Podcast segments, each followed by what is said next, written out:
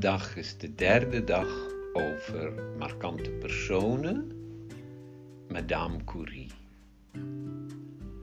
Ik wil vandaag spreken over de overwinning van tegenslagen.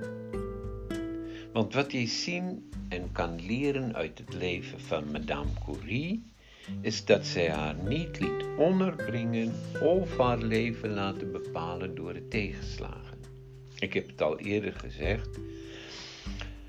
Nadat zij op 15-jarige leeftijd haar schoolopleiding afmaakte, werd Polen door Rusland ingenomen. En onder de Russificering mocht vrouwen niet studeren. Maar dat weerhield haar niet. En s'nachts studeerde zij en woonde zij clandestine lessen bij van de vliegende, zogenaamde Vliegende Universiteit van Warschau. Later, ook afgewezen, landde zij in Parijs door haar zus en begon ze te studeren. Daar ontmoette ze ook haar man Pierre Curie en ontdekte zij dat er materialen is dat straling veroorzaakt en het raakte, het raakte luchtgevoelige papieren. In die tijd de onontwikkelde films werden geraakt en verlicht door die straling. En het ging door hout, het ging door staal, het ging door alles heen.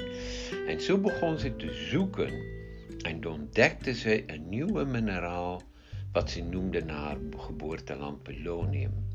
Pol, uh, polonium, naar Polen.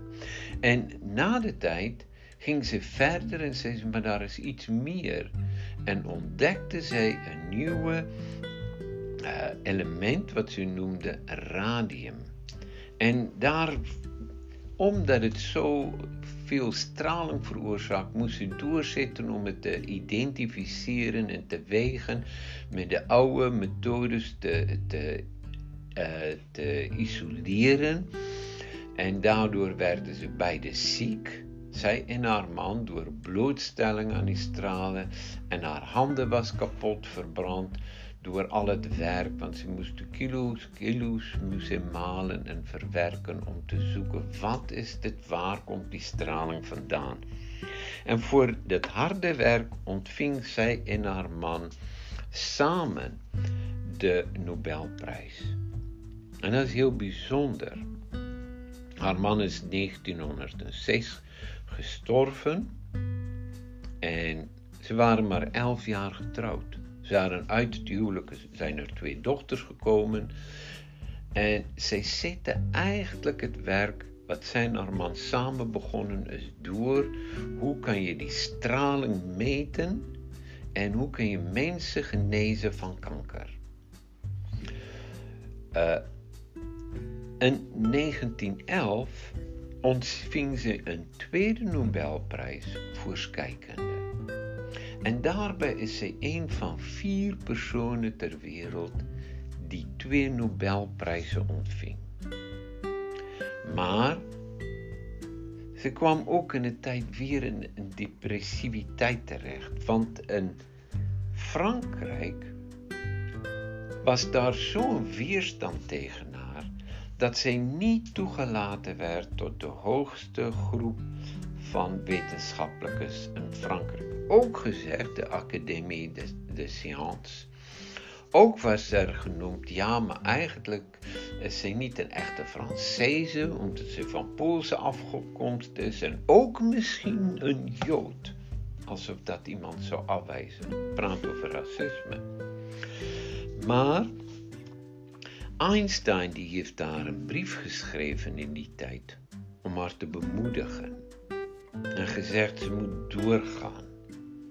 En wat een bijzondere vrouw, ondanks al die weerstand, ondanks discriminatie als vrouw, ondanks het feit dat niet gewaardeerd is wat ze gedaan heeft, ging ze door en ging ze door met haar werk.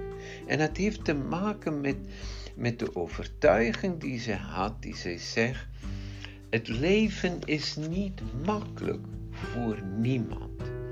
Je moet gewoon doorzitten en vertrouwen hebben in wie je bent. wat een prachtige levensovertuiging.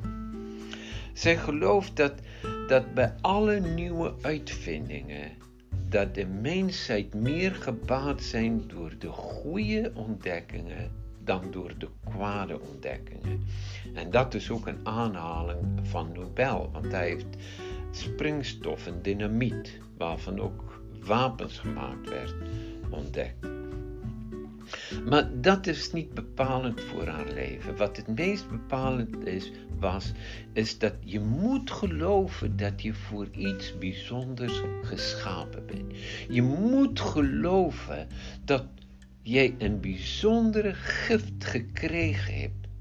En je moet alles op alles zetten om die gift uit te werken. Je moet geloven dat je voor iets geschapen bent of gemaakt bent, dat je iets ontvangen bent. En je moet alles op alles zetten om dat te bereiken.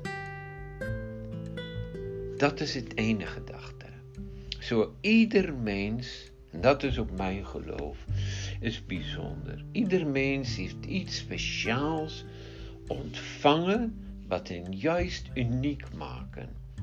En je moet je leven eraan wijden om dat te koesteren en te bereiken.